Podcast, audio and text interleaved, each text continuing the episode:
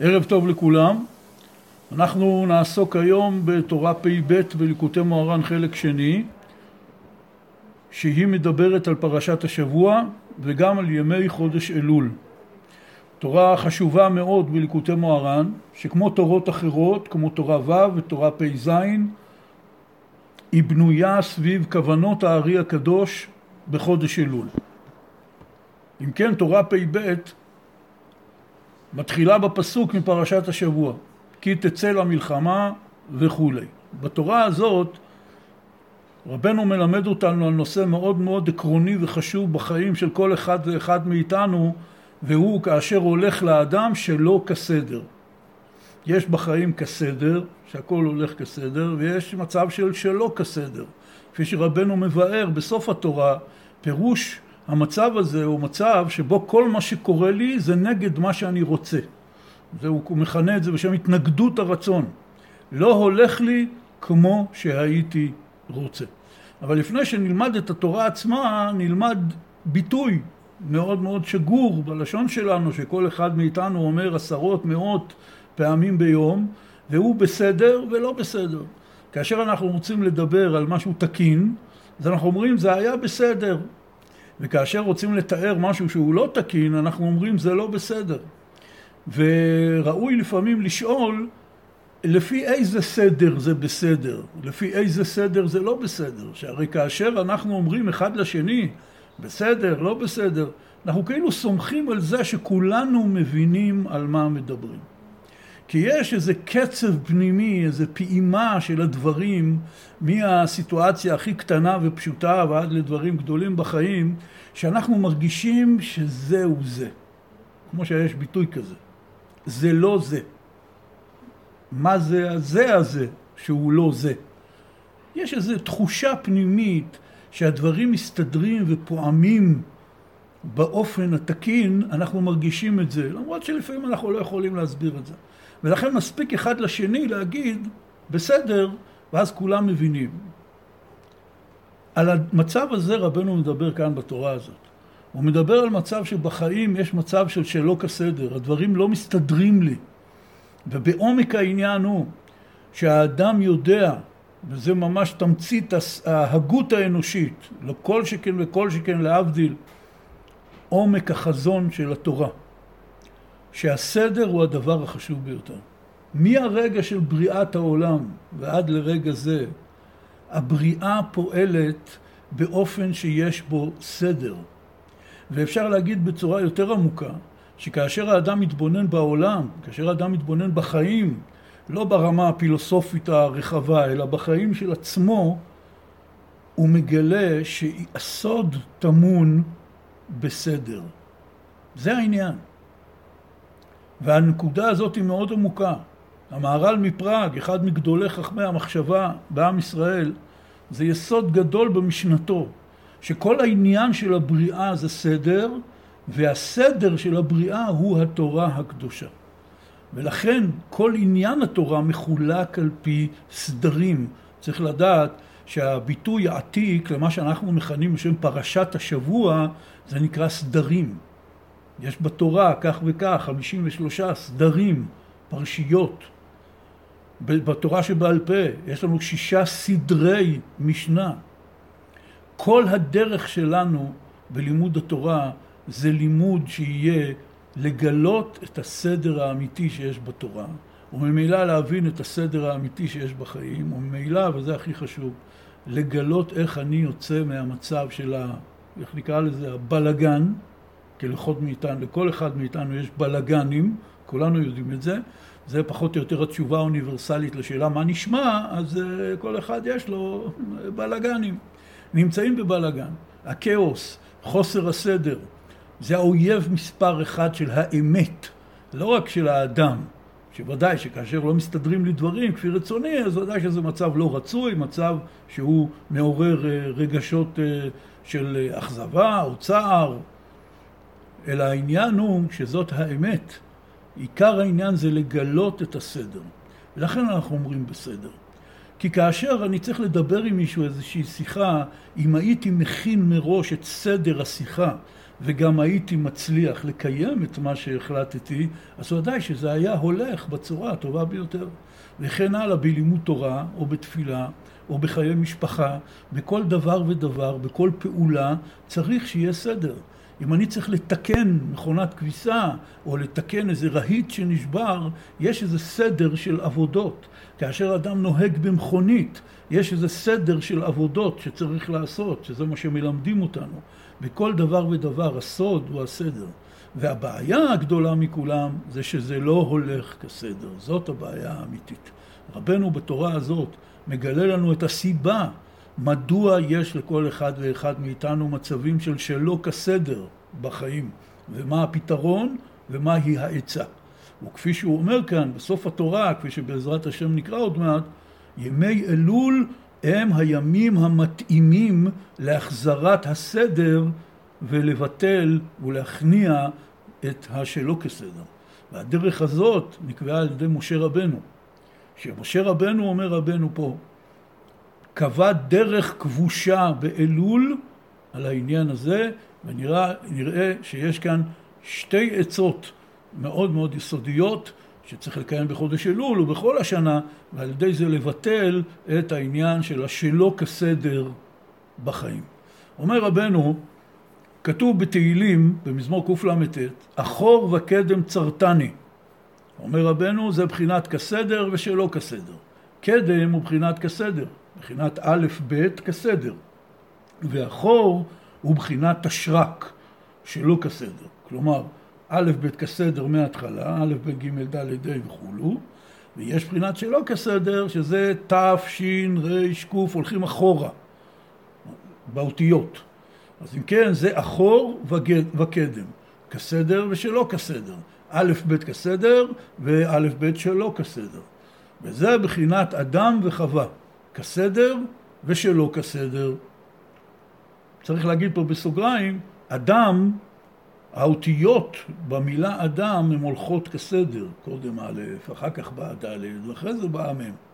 אבל בחווה זה הפוך, זה שלא כסדר. קודם יש ח', לפניה יש ו', ולפניה יש ה'. כלומר, אדם וחווה זה בחינת כסדר ושלא כסדר. המילה אדם, עם כל הסודות הגנוזים בה, ונראה בהמשך התורה, רבנו מדבר על זה, היא אותיות א' ב' כסדר. חווה, שהיא בחינת שלא כסדר עם כל הסודות שיש בזה, זה אותיות שלא כסדר. המילה מתחילה באות שהיא באה יותר מאוחרת, ח', ואחרי זה ו' ואחרי זה ה'. אומר רבנו, וזה בחינת אדם וחווה כסדר ושלא כסדר. הוויה במילוי אלפין גימטריה מ"ה, אדם. זה יסוד ידוע, רבנו בעצמו מדבר על זה הרבה פעמים, מופיע בזוהר ובכתבי הארי הקדוש. אנחנו יודעים ששם הוויה יש לו כמה מילואים. מה הכוונה מילואים? נגיד יוד. יוד זה אות אחת. המילוי שלה זה יוד ו' ד', זה השם של האות. ה', אז יש ה' א', או ה' ה', זה השם של האות. ו', יש אפשרות לכתוב אותה ו' א' ו', ויש אפשרות לכתוב אותה ו' י' ו'. אז יש לה מילוי, סוגי מילויים שונים, וכמובן הה' האחרונה אותו דבר, או בה' או באלף המילוי שלה. הוויה במילוי אלפין, פירוש שאנחנו כותבים את שם הוויה במילוי, כלומר בשמות האותיות המלאים, ואנחנו כותבים את הה' הראשונה והאחרונה במילוי א', ואת הו' גם כן במילוי א' ולא י'. זה נקרא הוויה במילוי אלפין. יש גם הוויה במילוי יודין, לדוגמה, שכותבים ה', כותבים אותה ה' י', וגם את הה' השנייה כותבים ה' י', ואת הו' כותבים ו' י' ו'. אז אם כן, אנחנו מדברים כאן על הוויה במילוי אלפין, במילוי האות א', בה', בו' ובה'. אז אם כן, השם הזה, שכותבים את האותיות האלה במילוי שדיברנו, זה בגימטריה 45. וזה מ"ה, וזה בגימטריה אדם. יש לזה חשיבות גדולה בהמשך, מפני שרבנו מבאר לנו כאן בתורה שהמהות האמיתית של אדם, כדי שבאמת הכל ילך לו כסדר, הוא צריך להיות בבחינת מה. בחינת מה פירוש בחינת ביטול עצמי. הוא מביא את הפסוק שאמר משה לקורח ועדתו, ונחנו מה? כלומר, אנחנו כלום. זה הכוונה. מה זה כוונה ונחנו מה? מה אנחנו בכלל? אנחנו כלום. כי תלינו עלינו, אלא לא עלינו תלונותיכם, כי אם על השם. כלומר, אנחנו כלום. זה עניין של ביטול. מה זה עניין של ביטול. וזאת המהות האמיתית של אדם, כפי שרבנו מיד יסביר. רבנו מעריך פה ומסביר שהכל תלוי בדיבור, וחווה זה מלשון יחווה דעת, מלשון דיבור. לא נעריך פה בכל הסודות של העניינים, ונקפוץ אל אותה נקודה שבה רבנו מדבר על העניין המרכזי שאותו הוא רוצה למסור בתורה הזאת, תורה פ"ב. אומר רבנו, וזה שאנו רואים שלפעמים הולך לאדם שלא כסדר. כי שלמות כל הדברים אינו אלא כשהם מיוחדים ומקושרים בו יתברך. כי השלמות והמילוי היא החיות. כי עבר שנסתלק ממנו החיות, אזי נקרא חיסרון. והחיות היא המוחין והשכל, כמו שכתוב, והחוכמה תחיה בעליה. והחוכמה הוא בחינת מה? כוח מה. מה חיינו, מה כוחנו, ומה הוא אדם. אומר רבנו, שלמות כל הדברים זאת החיות. זאת נקודה שצריך להתעכב עליה. אומר רבנו, אנחנו יודעים בגשמיות, דבר שהסתלקה ממנו החיות, הוא נקרא אצלנו מת. מה זה מת? הוא לא כאן. יכול אדם להיפטר מן העולם, לא עלינו ולא עליכם. גופו מוטל לפנינו, גווייתו, ואנחנו אומרים שהוא איננו. הוא לא איננו, הנה הוא. נכון, גופו כאן, אבל עיקר מה שהאדם הוא אדם, שעליו אנחנו אומרים אני, או אתה, או הוא, אנחנו לא אומרים את זה על הגוף, אנחנו אומרים את זה על הנשמה. וכאשר מסתלקת הנשמה, שהיא החיות של הגוף, אנחנו אומרים שהדבר הזה הוא בבחינת חיסרון, הוא לא כאן. כלומר, המהות האמיתית של כל דבר, השלמות של כל דבר, היא החיות. וממילא אפשר ללמוד על זה, על הרבה תחומים בחיים שלנו.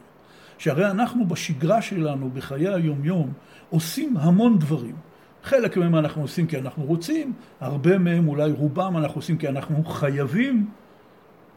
העשייה היא מחויבת המציאות. אבל כאשר אין בעשייה חיות, הדבר הוא לא שלם. וזה עניין מאוד מאוד מרכזי. אנחנו כל הזמן, כדי לעשות שינוי בחיים, להיות יותר מרוצים, שיהיה לנו יותר טוב, אנחנו מחפשים לשנות את המעשים והפעולות. לנסוע לחופש, להחליף אווירה, להחליף מקום, לאכול אוכל אחר, לראות נוף אחר. ואנחנו כל הזמן מחפשים לעצמנו חילוף של האירוע בשטח. בזמננו כמובן לא צריך לנסוע רחוק, מספיק לפתוח איזה מכשיר, איזה מסך מול עינינו, ואנחנו רואים מציאות אחרת. ומתוך המדמה שלנו והדמיון שלנו אנחנו מחליפים את הדבר. אני עכשיו לא כאן בבית על הכיסא, אני עכשיו בתמונות או בסרטים או במה שלא יהיה שאני רואה דרך המסך. אבל זו טעות. זה שכולנו יודעים שגם שתחליף אלף פעמים את המעשים שאתה עושה, תגיד, אני עושה לא עושה את זה, לא בא לי, לא מתחשק לי. ואז הוא הולך לעשות דברים שכאילו כן מתחשק לו, תמיד בכל מצב, בין במעשים של שגרה, בין במעשים של החלפת שגרה, עיקר העניין זאת החיות. לכן אנחנו צריכים להיות רודפי חיים. וכמו שכתוב בספרים הקדושים, אנחנו מברכים אחת מהברכות האחרונות, בורא נפשות רבות וחסרונן, כל מה שבראת על החיות מהנפש כל חי, ברוך חי העולמים. מה זה חי העולמים? זה שמחיה את כל העולמות, הקדוש ברוך הוא. כפי שאנחנו, כתוב בספר נחמיה, ואנחנו אומרים את זה כל יום בתפילת שחרית, בקטע שמתחיל ויברך דוד, ואתה מחיה את כולם. זאת עבודת השם יתברך, הוא מחיה את כולם, הוא מחיה את כל העולמות ואת כל העולם הגשמי ואת כל היקום ובתוכו את כדור הארץ עד לסביבה הקטנה שלי בתוך הבית שלי. הוא מחיה את כולם. אנחנו, כאשר אנחנו רוצים לתפוס את הקדוש ברוך הוא, במושג שהוא שווה לכל נפש, אפילו ילד קטן, הדבר הבטוח והברור שאנחנו יכולים להגיד על הקדוש ברוך הוא, שרואים מפעולותיו שהוא רוצה לתת חיים. בורא נפשות רבות וחסרונן.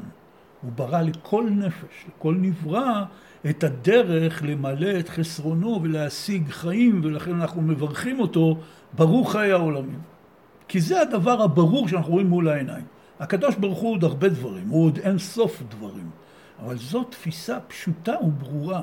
הקדוש ברוך הוא רוצה לתת חיים. כאשר אני שותה כוס מים, אני מבין שיש כאן תהליך מופלא, אדיר, שהמים עצמם יש בהם חיים, והגוף שלי בנוי באופן כזה שאם אני שותה כוס מים, אז הגוף שלי מקבל חיים. הגוף שלי מקבל את חסרונו. על ידי מי? על ידי הבורא שברא אותו ואת כל המערכת המורכבת והמדהימה שיש בעולם, מה שנקרא אצלנו במדעי הטבע, קוראים לזה שרשרת המזון. זה נקרא בורא נפשות רבות וחסרונה. אם כן, אנחנו יכולים לתפוס את הקדוש ברוך הוא במושג מאוד פשוט וברור, שכל אחד יכול לתפוס אותו ולראות אותו ולהתבונן בו ולהתחיות ממנו, שהוא רוצה לתת חיים. מה ההגדרה של אדם? ההגדרה של אדם זה רוצה לקבל חיים. במובן הכי פשוט בעולם. כל הגוף שלנו וכל הדעת שלנו, הכל מתוכנת לדבר אחד, לקבל חיים, דורשי חיים, רודפי חיים. וכל העניין שהתורה מנסה להגיד לנו, שאתה צריך להיות אדם שרוצה לקבל חיים מחי החיים. זה החיבור בין הבורא לנברא. הוא נותן חיים, אתה מקבל חיים. אבל קיבלת את כוח הבחירה. ויכול להיות מצב שאתה בא לחיות אדם, לעזור לו, לתת לו, להאכיל אותו, להשקות אותו, והוא לא רוצה. אז אין מה לעשות. הוא צריך לרצות לקבל חיים. כך גם הבורא יתברך באופן כללי נותן לנו חיים, והוא רוצה להשפיע חיים. האדם צריך לפעול על עצמו, להגיע למצב הזה של אני רוצה לקבל חיים. עוד מעט בעשרת ימי תשובה נגיד את התוספות שתיקנו בזמן הגאונים בתפילת שמונה עשרה, זוכרנו לחיים, מלך חפץ בחיים, וכותבנו בספר החיים, למענך אלוהים חיים, ומבקשים אחר כך עוד בקשות. חיים, חיים, חיים, חיים. תזכור אותנו לחיים ותן לנו חיים, כי אנחנו רוצים לקבל ממך חיים. זה מה שכותב פה רבנו. שלמות כל הדברים היא החיות. אבל מה זה החיות הזאת? מה זה הכוונה החיים? יש ביטוי כזה ביידיש, שהוא גם משתמשים בו בעברית, שרוצים להגיד על דבר שממש מחיה נפשות, דבר נפלא, תענוג, אומרים המחיה. מה הכוונה? הקדוש ברוך הוא מחיה. במה הוא מחיה? מה הם החיים האלה שאני מרגיש שטוב לי, שיש לי איזה עונג, שאני מתמלא חיים? אומר רבנו, והחיות היא המוחין והשכל. כמו שכתוב בקהלת, והחוכמה תחיה בעליה. אני רוצה לתת דוגמה פשוטה, גם לאנשים פשוטים כמוני, אפשר ללמוד ולהבין את הפסוק הזה. החוכמה תחיה בעליה. לפעמים אדם עסוק באיזה חידה, באיזה שאלה קשה, אם הוא במבחן אולי, או בכלל, הוא חושב בעמקות באיזו סוגיה ולא מצליח למצוא את התשובה. ואז פתאום מבזיקה לו איזו הערה של הבנה. ואז התנועה, הוא קופץ ואומר, אה! מה זה אה? מה זה הקפיצה הזאת? הקפיצה היא מפני שבאותו רגע הובזקה במוחו, הובזק במוחו חוכמה ושכל. וזה כל כך פתאומי וחזק, ההבנה הזאת שהוא הגיע, זה יכול להיות סתם פתרון של איזה תרגיל, כן, או איזה חידה לצורכי שעשוע, זה לא משנה, אבל באותו רגע הגיע לו איזה מוחין שכל וחוכמה, שזה הקפיץ את הגוף שלו מפני שהוא קיבל חיים. החוכמה תחיה בעליה. אומר רבנו שלמות כל הדברים זה החיות.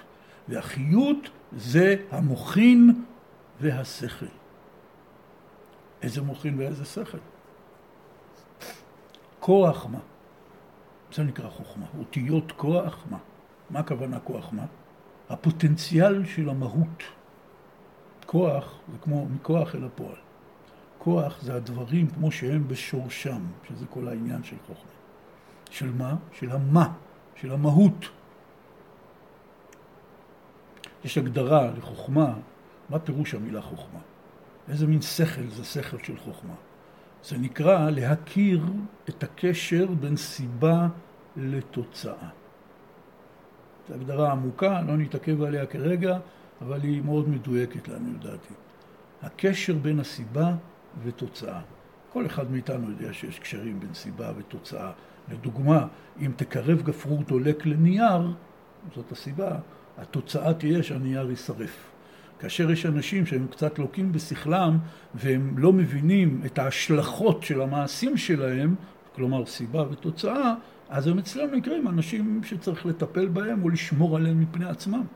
זה נקרא הקשר בין סיבה לתוצאה. ככל שאדם יותר חכם, הוא יכול להבין יותר קשרים בין סיבות ותוצאות לבין אדם אחר שעוד לא קולט את זה. דוגמה נפלאה, מה שחז"ל אמרו, איזה הוא חכם הרואה את הנולד. הנה ההגדרה שלנו בדברי חז"ל הקדושים. מי נקרא חכם? הרואה את הנולד. כלומר, הוא רואה מראש מה תהיה התוצאה של הסיבה. יש אחד שיודע דברים פשוטים, כמו אם תקרב גפרור לנייר, ויש אחד שיכול לחזות תחזיות על פי שכלו, תחזיות מדויקות לעתיד, כי הוא קולט שאם יעשו כרגע פעולות כאלו וכאלה, התוצאה תהיה תוצאה לא רצויה או כן רצויה. זה נקרא הרואה את הנולד, זה נקרא הקשר בין סיבה ותוצאה. זאת החוכמה, זה המוחין והשכל. והוא נותן חיים. כי ככל שאדם יותר מתמצא במציאות ורואה קשרים בין סיבה ותוצאה, ממילא הוא מתמלא הרבה יותר הכוח, התמיר, הנעלם הזה, המסתורי הזה, של הקפיצה הזאת, של האה. ולא סתם, אבותינו ורבותינו אמרו לנו באלף צורות, במאות אלפי שורות ופתגמים. התורה היא חיינו. מפני שהתורה היא השכל האלוקי האמיתי. ממילא, ככל שאדם לומד יותר תורה, היא נותנת לו חיים. והחז"ל אומרים במסכת אבות, מרבה תורה, מרבה חיים. רק צריכה להיות תורת חיים. תורה שמחיה את האדם. הרי כתוב מפורש בתורה, יש פסוק מאוד מפורסם, משתמשים בו בהרבה הקשרים, וחי בהם. התורה מצווה עלינו ש... אנחנו צריכים לעסוק בדברי תורה, לקיים את מצוות התורה, וחי בהם. אנחנו מכירים את הפירוש המקובל, וחי בהם, ולא שימות בהם, כלומר שפיקוח נפש דוחה את מצוות התורה. זה הפירוש ההלכתי שחז"ל אמרו. אבל יש פירוש מאוד מעניין של אחד מגדולי ישראל בדור הקודם, לפני כמאה שנה, הנציב מוולוז'ין, רבי נפתלי צבי יהודה ברלין, היה ראש ישיבת וולוז'ין. אחד מגדולי חכמי ישראל בכל הדורות, ודאי בדור האחרון, ונוסף לגאונותו בגמרא, היה ראש ישיבה הכי חשובה בעולם, וכתב חידושים ושאלות ותשובות, יש לו פירוש על התורה, אחד הפירושים הנפלאים ביותר שנכתבו על התורה, על כל התורה כולה, שנקרא העמק דבר. ובפירוש העמק דבר, הנציב מוולוז'ין מפרש מה זה נקרא וחי בהם. הרי יש להם גם הוראה כללית. אתה צריך לקיים את התורה מתוך חיות. והנציב מוולוז'ין קובע ביטוי מדהים של שתי מילים, שמי ששומע אותו חושב שזה ביטוי חסידי מומצא בין ימינו, אבל לא. כתב את זה ראש ישיבה ליטאי גדול מאוד לפני מאה שנה. הוא אומר, וחי בהם פירושו עליזות הנפש. עליזות הנפש. זה נקרא וחי בהם. להיות אדם חי. להיות אדם שמח, להיות אדם עליז, עליזות הנפש. כולנו יודעים, לא צריך לספר לנו ולא צריכים לתת לנו מראה מקומות מהתורה. להיות בשמחה זה נעים, זה סבבה. וכאשר האדם שמח, הוא משוחרר, כפי שרבנו אמר, שהשמחה זה עולם החירות, והוא מרגיש טוב. וכאשר האדם לא שמח, הוא לא מרגיש טוב. הוא מכווץ, הוא עצוב, הוא במצוקה.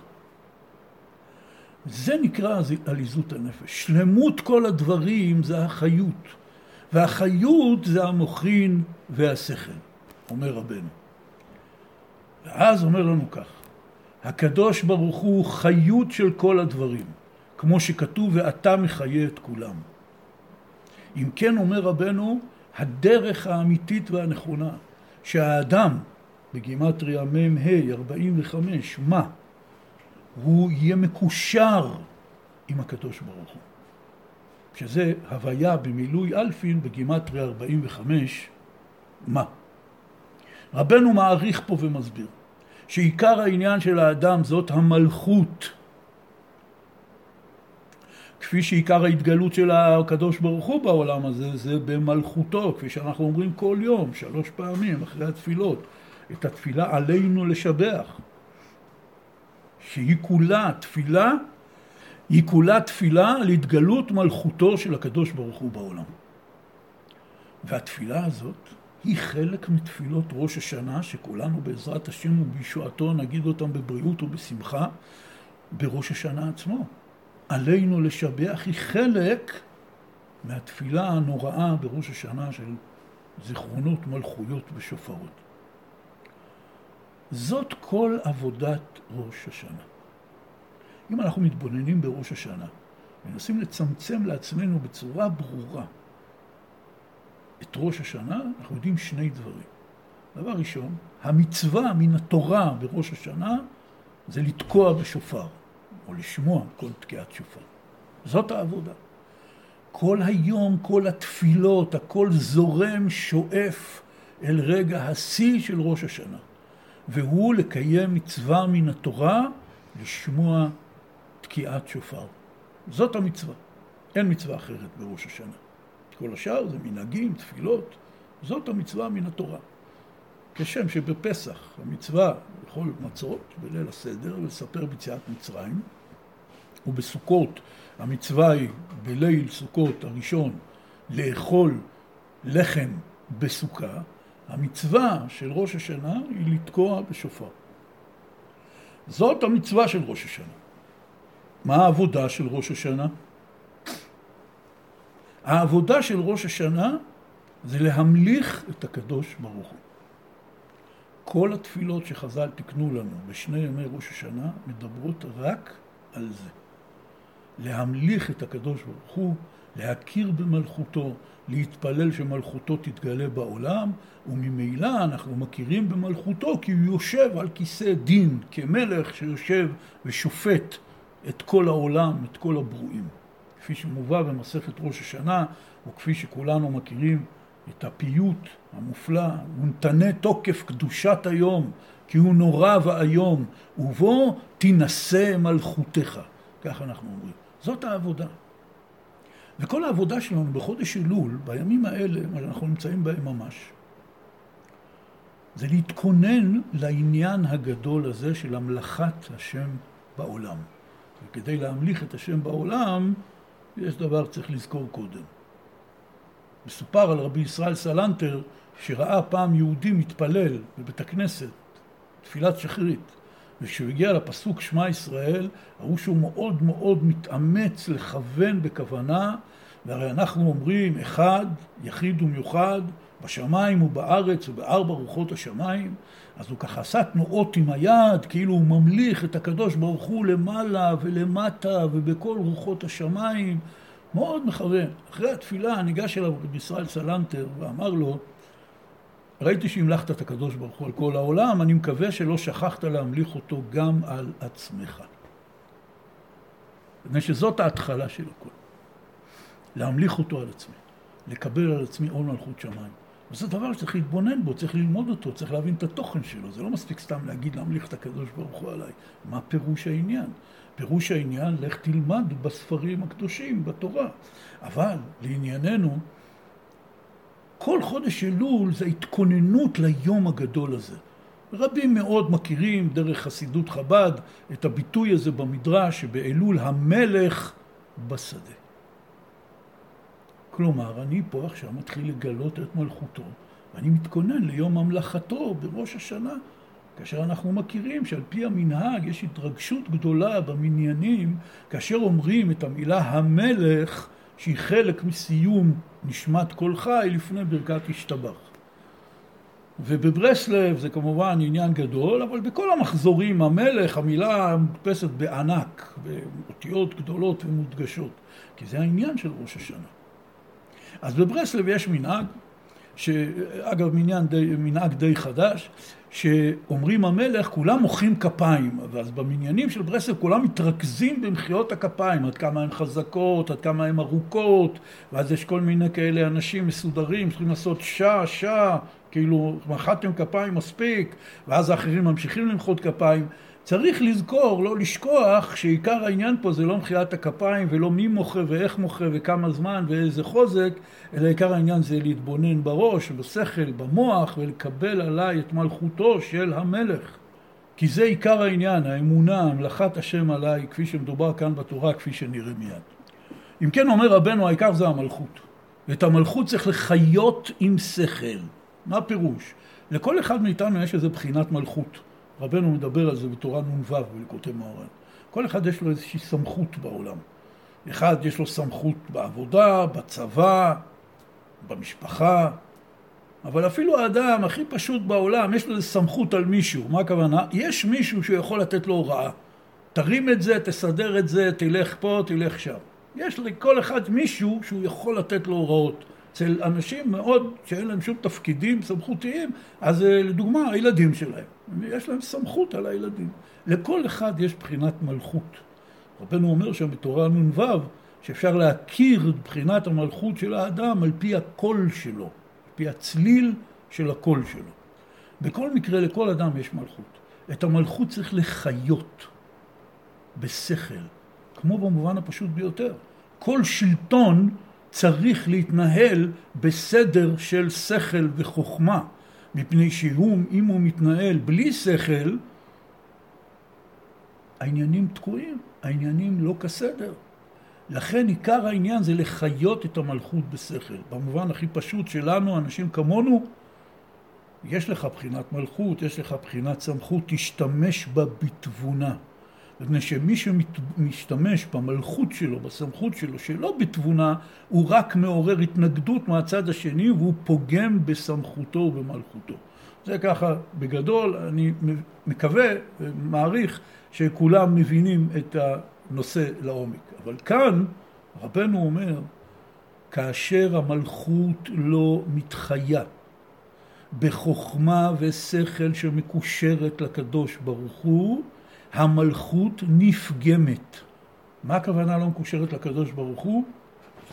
מסביר רבנו ואומר שכשלא הולך לאדם כסדר, זה שיש לאדם גדלות. והוא קורא לזה בביטוי שמופיע בספרי קבלה רבים מאוד, אני אמלוך. ונסביר. יש פסוק בתנ"ך שבנו של דוד המלך, אדוניהו בן חגית, רצה לעצמו את המלוכה. ובפסוק כתוב, האדוניהו בן חגית נתנשא לאמור, אני אמלוך. הביטוי הזה התגלגל והשתלשל לספרי קבלת הארי הקדוש. הארי הקדוש מסביר שהעולם נברא באורות וכלים, ככה כל הבריאה בנויה. והכלי צריך להתבטל לאור ולהכיל אותו. אבל כאשר הקדוש ברוך הוא ברא את העולם, והאורות העליונים התלבשו בכלים, הכלים קיבלו גאווה ואמרו אני אמלוך, וכך נהייתה שבירת הכלים, ביטוי מאוד ידוע בקבלת הארי, וממילא העולם נצרך תיקון, שעד היום זה לא תוקן בשלמות, שבירת הכלים. מה הכוונה הכלים התמלאו גאווה? בדוגמה שלנו, הפשוטה ביותר, הקדוש ברוך הוא ברא את האדם עם כישרון מסוים. לדוגמה, יש לו קול יפה. ועכשיו, הרי הוא לא יצר את הקול היפה הזה, הוא קיבל אותו, מתנה. ואז הוא שר, וכולם מאוד מאוד מתרגשים ומהללים ומשבחים אותו, הוא מקבל גאווה, הוא שוכח שהקול הזה זו מתנה מהקדוש ברוך הוא, זה לא משהו שאתה יצרת. ואז הוא אומר, אני האור, אני לא הכלי, אני האור. להגיד אני האור זאת גדלות, זה אני אמלוך, כמו שכתוב פה בתורה, אנא אמלוך, אנא זה בארמית, אני. אני אמלוך, אני המלך.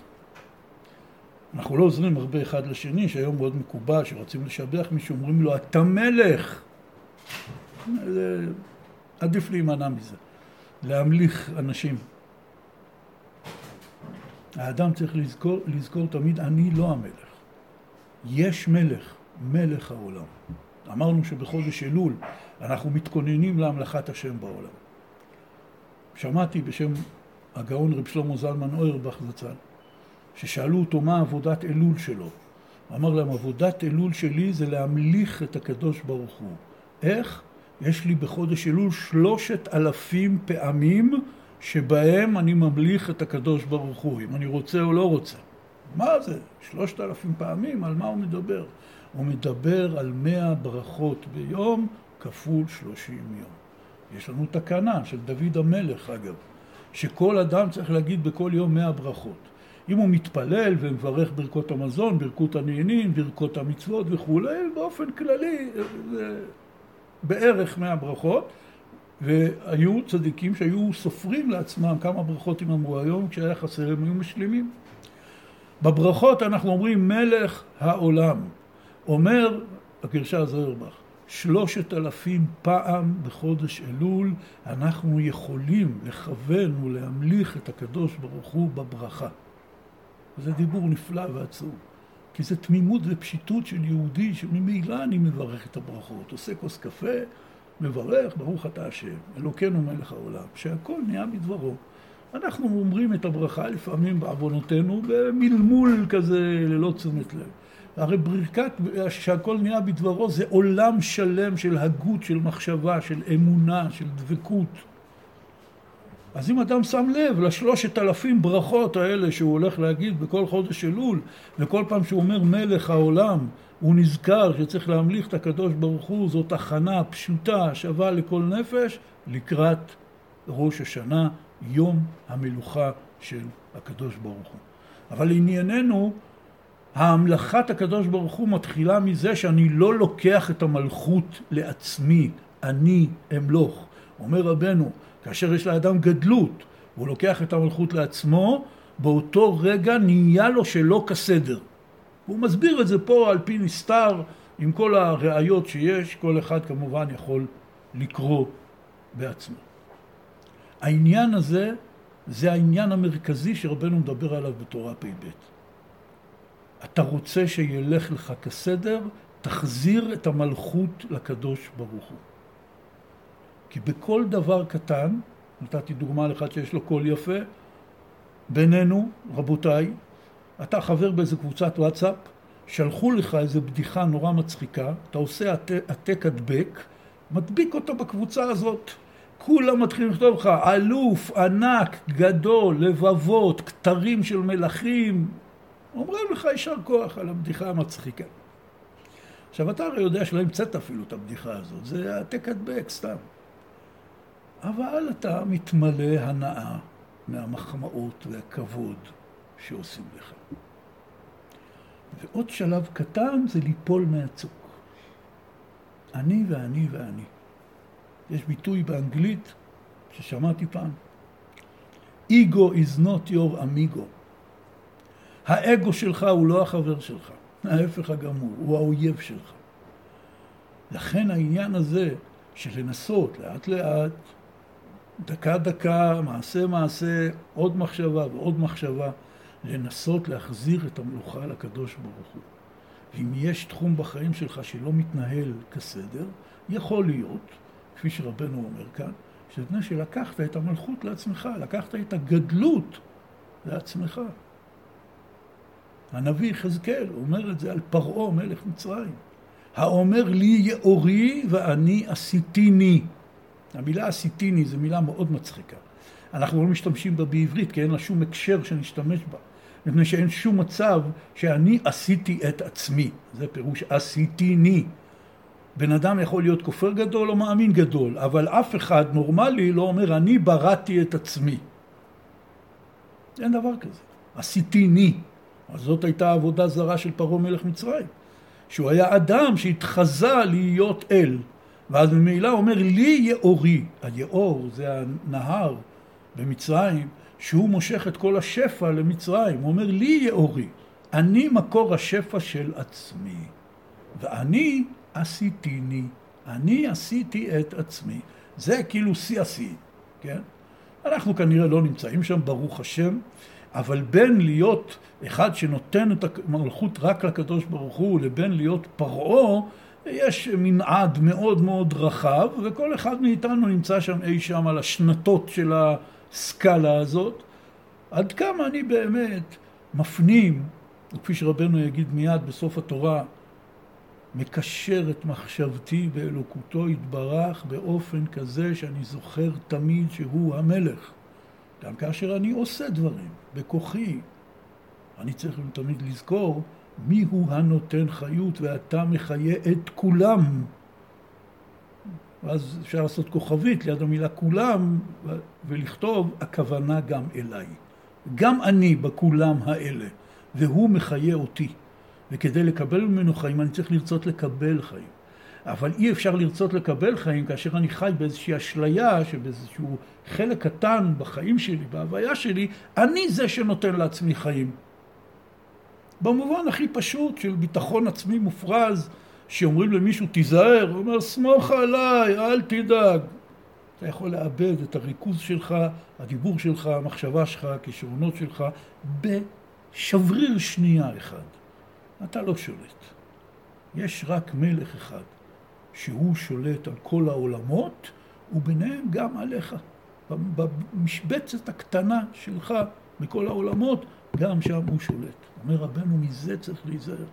על זה צריך לעשות תשובה. ואומר רבנו כך, וכשרואה אדם בעצמו שהולך לו שלא כסדר, ידע שיש לו גדלות. היינו, אנא אמלוך. יעשה תשובה וישפיל את עצמו, ויהיה בחינת מה, כמו שכתוב, ונחנו מה, ואזי נחזר חווה לבחינת אדם, לבחינת מ"ה, בגימטרי האדם, ונעשה כסדר, היינו אחור וקדם וכולי. אומר רבנו, כשרואה אדם שהולך לו שלא כסדר, הוא צריך לעשות תשובה. תשובה על מה? תשובה על זה שיש לו גדלות. תשובה על הבחינה שיש בו של אנא אמלוך, של אני המלך, סמוך עליי, אל תדאג. צריך לעשות תשובה. איך עושים תשובה? ישפיל את עצמו. ישפיל את עצמו במובן הזה שיחזור לשפלות וענווה. המילה שפלות אצל חז"ל פירושה ענווה. לא במובן שאנחנו משתמשים בה, שזה עוד משמעות של המילה, ששפלות זה התנהגות פסולה, שלילית. שפלות במובן של ענווה, כמו שכתוב במסכת אבות. נדמה לי, רבי לויטס, איש יבנה אומר, מאוד מאוד הווה שפל רוח. מאוד מאוד שפל רוח. כולנו יודעים כמה זה קשה לנו. קודם כל, יש מבינינו שנולדו יותר שוויצרים מאחרים. ויש להם יותר גאווה מאחרים. אז זה הטבע שלהם. יש כאלה שהצליחו בחיים באופן מיוחד יחסית לאנשים אחרים, אז הם מקבלים גאווה. זה קשה. והפסוק אומר, תועבת השם כל גבה הלב. אמר על זה הבעל שם טוב, כל גבה הלב. כל גבהות לב היא תועבה בעיני השם יתברך. זאת עבודה קשה. להגיע לענווה. היא עד כדי כך קשה, שחז"ל אמרו לנו שענווה זה התכונה הכי עליונה שיכולה להיות לאדם. כולנו יודעים, התורה הקדושה מתארת את משה בפטירתו. היא לא אומרת, הוא משה צדיק מכל האדם, חכם מכל האדם, קדוש מכל האדם, משה היה ענב מכל האדם אשר על פני האדם. ואמרו חז"ל, מה שעשתה חוכמה, כתר לראשה, עשתה הענווה עקב לסולייתה. זאת אומרת, איפה שנגמרת החוכמה ועוד הכתר על ראשה, זה העקב של הסוליה, של הנעל, של הענווה. הענווה היא הרבה יותר מאשר חוכמה. היא יותר נעלה, יותר מרוממת, יותר נשגבת. זאת עבודה קשה. זה לא מצב, כמו שלפעמים אנחנו טועים בהרבה עניינים בעבודת השם, שלמדתי על איזה נושא, ואני אומר, זאת אמת. חותם בכל מילה, קיבלתי את הרעיון, עכשיו אני מחכה שיהיה לי את זה. זה לא יקרה. צריך עבודה. אדם צריך לעבוד על ענווה. איך עובדים על ענווה? כשנכשלים בגאווה ושמים לב, יש לי גדלות, אני צריך לעשות תשובה ולהשפיל את עצמי. לעבוד על הנקודה הזאת של האמונה, להמליך את הקדוש ברוך הוא בחזרה על חיי, על ההתנהגות שלי. אני צריך לחשוב על זה, להתבונן על זה, ללמוד על זה, להתפלל על זה. ריבונו של עולם, זכה אותי לראות את נוכחותך בעולם, שהרי זאת כל העבודה של האדם מצד עבודת האמונה, כפי שהורו לנו הצדיקים. יש מילה בעברית שהיא מאוד מתאימה לעניין, מילה חדשה, להנכיח את הקדוש ברוך הוא בחיים שלי, להנכיח אותו, לייצר נוכחות אלוקית בחיים שלי.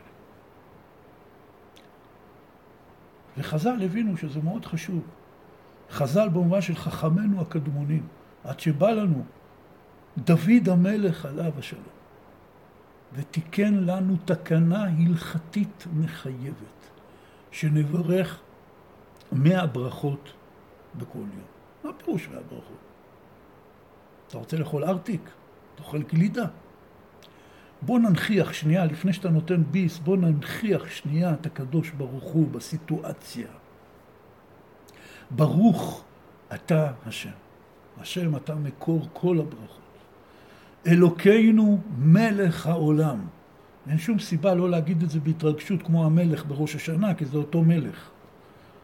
שהכל נהיה בדברו, מכיר בבורא, מנכיח אותו בסיטואציה של אכילת הגלידה או שתיית הכוס קפה. ועכשיו אני שותה ואוכל. יש דבר יותר נשגב מזה, יותר רוחני מזה. אנשים מחפשים ללכת לעשות מדיטציה על איזה פסגת הר מול הזריחה. זה יפה, זה מרגש, זה נפלא מאוד. אפשר להיזכר בבורא יתברך ולהתדבק בו גם לפני שתיית כוס קפה שגרתית, על ידי הברכות. כי זה חשוב, על ידי הברכות אנחנו מנכיחים את הקדוש ברוך הוא בעולם. המאה ברכות זה מאה תחנות ביום, ומאה תחנות ביום זה הרבה. בתוך 24 שעות, זה בממוצע כל כמה דקות. להנכיח בחזרה את הקדוש ברוך הוא בעולמי, מתוך אמונה, מתוך דיבור. כשאנחנו אומרים, הודיע אמונתך בפי, שהעצה הטובה ביותר להתחזק באמונה זה לדבר דיבורי אמונה. גם אם כרגע אני לא מרגיש אותם, אבל להתרגל לדבר דיבורי אמונה, בסוף זה יחדור ויחלחל אל תוך ליבי. דיבורי אמונה הראשיים והכי חשובים זה הברכות עצמם, כפי שהבאתי את הרעיון שאותי מאוד ריגש, של הגרשה זוהרבך, על שלושת אלפים המלאכות הקדוש ברוך הוא בחודש, מאה ברכות בכל יום. אומר רבנו, צריך לעשות תשובה, צריך להשפיל את עצמך, להוריד את העניין של אנא אמלוך, ולהחזיר את המלכות לקדוש ברוך הוא, ואז המלכות תהיה כסדר. כי כשאתה מנסה לקחת לעצמך בכוח את המלכות, הכל נהיה שלא כסדר. אבל, אומר רבנו, ועיקר התשובה הוא בחודש אלול, כי הם ימי רצון שעלה משה לקבל לוחות אחרונות, ופתח דרך כבושה לילך בה. ורבנו ממשיך כאן, ואומר שהדרך שעשה משה, הדרך הכבושה שפתח משה רבנו ללכת בה בכל חודש אלול, שהרי ידוע אצלנו שאנחנו מאמינים באמונה שלמה, שיש דבר שנקרא הסגולה שבזמן. בליל פסח זה מאיר בו אור של יציאת מצרים, בכל שנה אור רוחני, וכך בליל סוכות, בליל שבועות, ובלילות כל המועדים ואחרים. וגם בחודש אלול יש בו הערה, בכל חודש אלול, כולל עכשיו הרגע כולנו יושבים בחודש אלול שנת תש"פ, האור של הדרך הכבושה שמשה רבנו פתח ללכת בה בחודש אלול, שבו עיקר התשובה, זה נמצא גם עכשיו. למה עיקר התשובה זה באלול? נקרא עוד פעם מה רבנו אומר, ועיקר התשובה הוא בחודש אלול, כי, עכשיו הוא נותן סיבה, למה עיקר התשובה היא בחודש אלול? כי הם ימי רצון. יש בהם רצון אלוקי. זה זמן טוב לגלות ולהתחבר עם הרצון האלוקי. מדוע? איך פתאום חודש אלול זכה לזה? שעלה משה לקבל הלוחות אחרונות ופתח דרך כבושה לילך בה. כולנו יודעים. הלוחות הראשונות, משה רבנו עלה למרום וקיבל את לוחות הברית, ואז הוא ירד וראה שעם ישראל עשו את העגל, זה היה בט"ז בתמוז, ואז הוא שבר את הלוחות, ירד מן ההר, טיהר את עם ישראל מחטא העגל, ואז בראש חודש אלול הוא עלה שוב לקבל את הלוחות השניים. והשהה ארבעים יום בהר סיני בשמיים, וירד ביום כיפור. כי אז הקדוש ברוך הוא אמר, סלחתי כדבריך, הוא הצליח בארבעים יום לפעול סליחה מהקדוש ברוך הוא על חטא העגל, ולתת תורה פעם שנייה, לוחות שניים לעם ישראל. לכן יום כיפור נקבע לדורות על ידי הקדוש ברוך הוא, שביום הזה יכפר עליכם מכל עוונותיכם תטהרו. זה דברים ידועים ופשוטים, רק ככה להיזכר לעצמנו. אם כן, ימי אלול זה רוב הזמן שמשה היה בהר סיני. תוך 40 יום, 30 יום. בימים האלה משה רבנו עסק בלסנגר על עם ישראל ולמשוך להם סליחה ולתת להם תורה פעם שנייה, אפילו שהם חטאו בחטא העגל. וזאת הדרך שפתח משה רבנו, כפי שרבנו מסביר כאן. באריכות, אין לנו זמן לקרוא את הכל. הוא פתח דרך שבה הוא מתקשר עם הפחות שבישראל. אהבת ישראל, סנגוריה, לקשר את הפחות שבישראל אל הקדוש ברוך הוא. זאת העבודה של משה רבנו בחודש אלול. בגלל זה הם ימי רצון. וממילא לכל אחד מאיתנו הימים האלה הם ימי רצון שבהם אני על ידי התקשרות בדרכו הכבושה של משה רבנו אני יודע לקשר קודם כל לכל הפחות שבישראל כלומר שיהיה בי אהבת ישראל אבל העיקר העיקרים לנקודות הפחותות שבי. כי לכל אחד מאיתנו יש שטחים מתים, שטחים אפורים, שבהם הוא יודע שיש לו פינות אפלות במחשבה שלו, במעשים שלו, כולנו יודעים, לא צריך להאריך בזה. הפינות האלה, הוא הוציא אותן מהספקטרום האלוקי. למה? אומרים לו, אולי תפסיק עם זה, אולי תחזור בתשובה. הוא אומר, עזוב, ככה אני, מה אני יכול לעשות? אז בנקודה הזאת אני לא קשור בקדוש ברוך הוא. משה רבנו בא ללמד כמו כל צדיקי האמת. אין דבר כזה. גם במקום הכי נמוך שלך, הכי שפל שלך, שירדת למקומות הכי ירודים שיכולים להיות, גם שם אתה ממשיך להיות קשור לקדוש ברוך הוא, ותשתמש בקשר הזה כדי לחזור בתשובה. כך משה רבנו מעלה את הנשמות. הנקודה השנייה שרבנו אומר שמשה רבנו חידש בחודש אלול, זה גם כאשר מתקרבים אל הטוב ויש הצלחה, לא לשכוח את הקדוש ברוך הוא.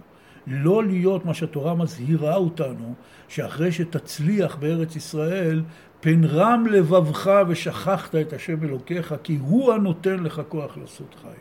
אל תגיד כוחי ועוצם ידי עשו לי את החיל הזה. זה אנא אמלוך. אני ואני, אני בעשר אצבעות שלי עשיתי את ההצלחה שלי. זה כוחי ועוצם ידי.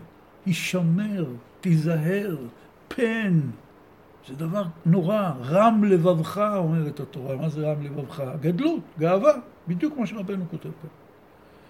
אומר רבנו, לכאורה זה פלא. אנחנו רואים אדם שמצליח בחיים, טוב לו, מתקרב לאיזה שפע, והרי כל הטוב והשפע זה אלוקות. אז אם כן, למה דווקא אנשים שמצליחים, הם שוכחים את הקדוש ברוך הוא? כמו שהפסוק אומר, וישמן ישורון ויבעט. למה זה? אומר רבנו, הוא מתקרב אל האור, האור מסנוור אותו, הוא כבר לא רואה כלום. צריך עבודה של הגנה. ורבנו מדבר כאן, מי שזה מעניין אותו, יסתכל לקראת סוף תורה פ"ב. רבנו אומר, זה העניין של הסגול. יש עניין של הגנה מפני הסנוור מרוב הטוב שגורם שכחת הקדוש ברוך הוא. המשל פה הוא מדויק. כל אחד מאיתנו בטח יסתכל פעם מתוך איזה פרוג'קטור, איזה פנס רב עוצמה. כשאתה מסתכל בפנס רב עוצמה, לבן, מה אתה רואה? מה זה נקרא להסתנוור? להסתנוור פירוש אני מסתכל לתוך אור ואני רואה חושך. כל אחד מאיתנו יודע את זה. כשאתה מסתכל באור חזק מדי, מה שאתה רואה, אתה רואה שחור. איך זה יכול להיות? האור הוא לבן, לא סתם לבן, חזק. אין לך כלים. כך יוצא שכאשר אתה מתקרב להצלחה שהיא מאת הקדוש ברוך הוא, אבל היא יותר, היא גדולה עליך, אין לך כלים להגן על עצמך מפני הסנוור, אתה מסתכל באור הלבן, אלוקות בהתגלותה, בשפע וטוב וברכה בחיים שלך, ובמקום לבן אתה רואה שחור. אין כלום. אני עשיתי, כוחי ועוצם ידי, גדלות, אנא אמלוך. זה מה שאומר פה רבנו. הוא מסיים רבנו, ובזה נסיים, כשהולך לאדם שלא כסדר, זהו התנגדות הרצון. אני רוצה שיהיה כן הדבר, והדבר להפך, שלא כסדר. הרצון של מי? מי מנהל את העולם? הקדוש ברוך הוא. אני רוצה כך, אבל לא קורה לי כך. הרצון שלי מתנגש עם הרצון של הקדוש ברוך הוא כביכול. זה נקרא כי תצא למלחמה, יש פה מלחמה בין הרצונות, בין הרצון שלי לבין הרצון של הקדוש ברוך הוא, שהיא הוויית המציאות, לא הולך לי, כמו שאומרים. אומר רבנו, וזהו כי תצא למלחמה כשהולך לך שלא כסדר, היינו התנגדות הרצון, ונתנו השם אלוקיך בידיך, שיתבטל כל הרצונות נגד רצונך, שילך לך כסדר כרצונך. אימתי? איך מגיעים למצב הזה? אומר רבנו, ושבית שוויון, שתהיה בבחינת מה? כשתמשיך לך אלוקות, הוויה במילוי אלפין. ושבית שוויון. אתה הולך נגד הרצון של הקדוש ברוך הוא, אתה צריך לבטל את רצונך מפני רצונו, להכניס בתוך מחשבתך את אלוהותו יתברך, לזכור מי המלך כאן. כולם ודאי מכירים, סגולה מאוד ידועה, מדפיסים את זה בכל מיני מדבקות ועניינים, שאמר רב חיים מוולוז'ין, שסגולה גדולה להמתקת הדינים, שאדם בא ואומר בפה מלא, אני מאמין באמונה שלמה שכל המציאות היא רצונו יתברך. על ידי זה שאדם מכנס את עצמו לתוך האמונה החזקה שהכל ברצונו יתברך, זה מגן עליו מפני הדינים. זה בדיוק מה שמתואר כאן. כאשר אני שווה את שוויו, אני לוקח את רצונו של הקדוש ברוך הוא ולוקח אותו אליי. כפי שרבנו אומר בהמשך, כשלוקחים דבר גבוה ומורידים אותו למטה, יש כמה פסוקים בתנ"ך שהם קוראים לזה שבי. לקחת דבר גבוה, להוריד אותו למטה. אני לוקח את הרצון הגבוה של הקדוש ברוך הוא, מוריד אותו למטה לתוך שכלי, עושה את רצוני כרצונו, ואז הוא מבטל את רצון, רצונות המתנגדים אליי מפני רצוני. ואז רבנו אומר את העצה של תורה פ"ב. אומר רבנו, וזה פירוש המילה מחשבה. חשוב מה? הזוהר הקדוש אומר שמחשבה זה המילה חשוב, ח' ש' ב', מה, מ' ה', זה ביחד מחשבה. חשוב מה? תמיד תחשוב על המה, מ' ה', הוויה במילוי אלפין. תהיה דבוק בשם יתברך, כפי ששולחן ערוך כותב בסעיף הראשון בשולחן ערוך, שיוויתי השם לנגדי תמיד. זה מהות של יהודי. כל דברי התורה הקדושה שבכתב ושבעל פה, וכל דברי הצדיקים בכל הדורות, כל הסגולות וכל המנהגים, כל התורות, הכל שואף למקום אחד. שיהודי אחד, אני, או כל אחד מאיתנו, יחשוב דקה אחת, שנייה, שבריר שנייה, ייזכר שיש בורא לעולם. זה קיום מצווה מן התורה. יש לנו שש מצוות תמידיות בתורה, להאמין בשם, לא להאמין בזולתו, אהבת השם, יראת השם, ייחוד השם, ולא תטורו אחרי לבבכם ואחרי עיניכם. אלה שש מצוות מן התורה, היחידות מכל תרי"ג מצוות, שכל יהודי וכל יהודייה חייבים בהם בכל רגע ובכל שנייה. וכל רגע שאני חושב את המחשבה, כי הרי כולם מצוות במחשבה, אין מה לעשות פה, כולם, אני מקיים את המצווה. אני יכול בדקה אחת לקיים אולי מאה פעמים את מצוות האמונה בשם מן התורה. וזאת הלכה, זה לא דברי מוסר, זה לא דברי חסידות. זה כתוב בהקדמת ספר החינוך, וזה מופיע במשנה ברורה בביאור הלכה בסימן א'. שש המצוות התמידיות. כדאי מאוד לזכור אותן ולחשוב בהן. כי אתה מקיים ממש מצווה מן התורה. זה נקרא חשוב מה. כשאני חושב, יש בורא לעולם, יש אלוקים, והוא רואה אותי, והוא משגיח עליי, והוא עשה ועושה ויעשה לכל המעשים, וכל מה שקורה לי מול העיניים זה הכל בהשגחתו וברצונו, כשאני חושב מחשבה כזאת, כשאני מרגיש רגש כזה, אני מקיים מצווה מן התורה, אני מקיים את תכלית ביאתי לעולם. שכל מה שיש מסביב זה רק אביזרים נלווים לדבר אחד, בורא ברא נברא. הנברא צריך להיות דבוק בבורא. אמונה. חשוב מה. ואומר רבנו, כשתקשר תמיד במחשבתך אלוקותו. ומסביר לנו רבנו בסוף התורה הזאת, שכל המאמר הנפלא הזה, שהוא בקושי פחות מדף, הוא כולל את כל הכוונות של אלול על פי הארי הקדוש, את כל הסודות של אלול שכתוב בספרי הקבלה. ויש כאן מראה מקומות, אפשרות להבין את העניין, ורבנו מדבר על זה, כי הרי אני דילגתי על חלקים מאוד גדולים כאן בתורה, אבל הקו המוביל הוא אחד ויחיד. ימי אלול זה הזמן הטוב וימי רצון לתשובה על הגדלות, על הגאווה, על לקיחת המלכות לעצמי. איך עושים תשובה? נזכרים ממלך העולם. וכפי שאמרנו, אפשר להיזכר ממלך העולם כאשר מברכים את הברכה הפשוטה שהכל נהיה בזרוע. שיהיה לכולנו חודש טוב.